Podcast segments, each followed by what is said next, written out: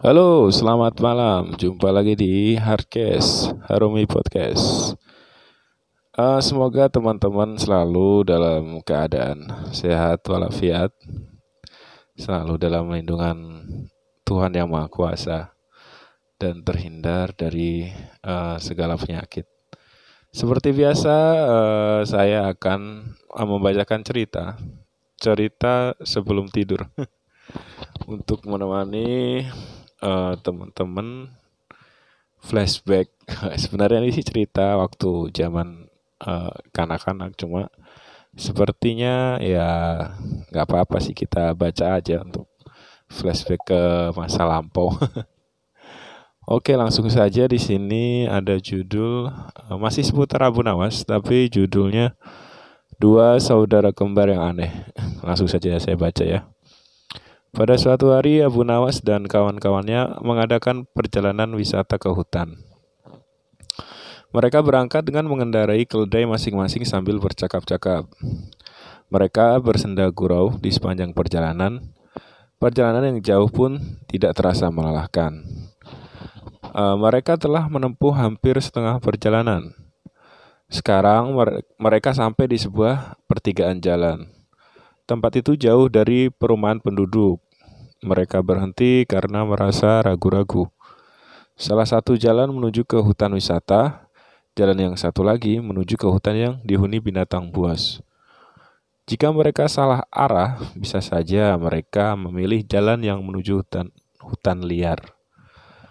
Mereka lalu berunding untuk memilih jalan memilih jalan yang akan mereka lalui. Abu Nawas menyarankan untuk kembali saja dan tidak perlu melanjutkan perjalanan.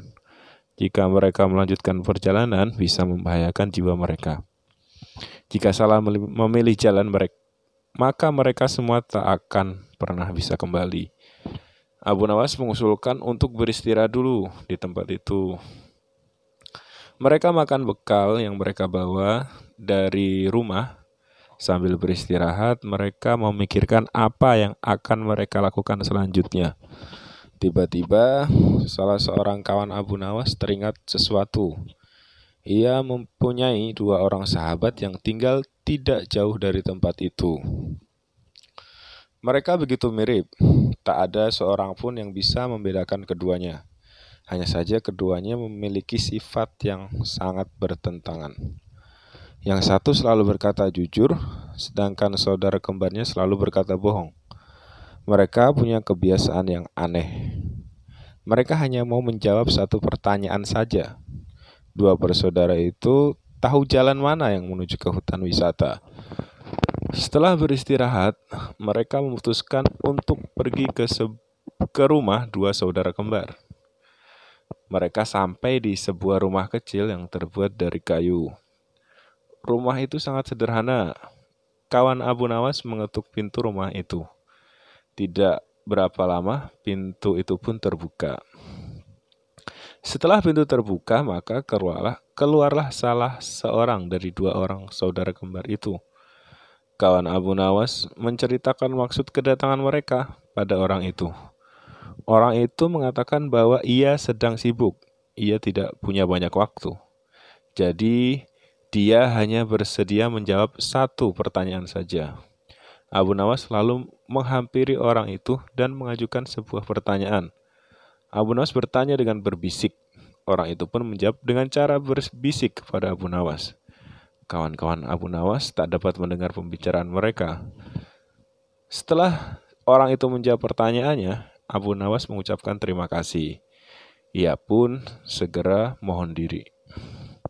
Abu Nawas menyarankan untuk memilih jalan yang arahnya ke kanan. Kawan-kawan Abu Nawas hanya saling berpandangan. Mereka heran kenapa Abu Nawas hanya bertemu dengan salah satu dari saudara kembar itu. Mereka tidak tahu orang itu yang selalu berkata jujur atau selalu berkata bohong. Dan pertanyaan yang diajukan pun hanya satu. Salah satu kawan Abu Nawas bertanya kepadanya, Bagaimana caranya ia memutuskan harus memilih jalan ke sebelah kanan? Abu Nawas segera menjelaskan kepada kawannya, orang yang ditanya tadi menunjukkan jalan ke sebelah kiri. Berarti jalan yang benar adalah yang ke kanan. Kawan-kawan Abu Nawas masih belum mengerti. Mereka tetap bingung dengan penjelasan Abu Nawas itu.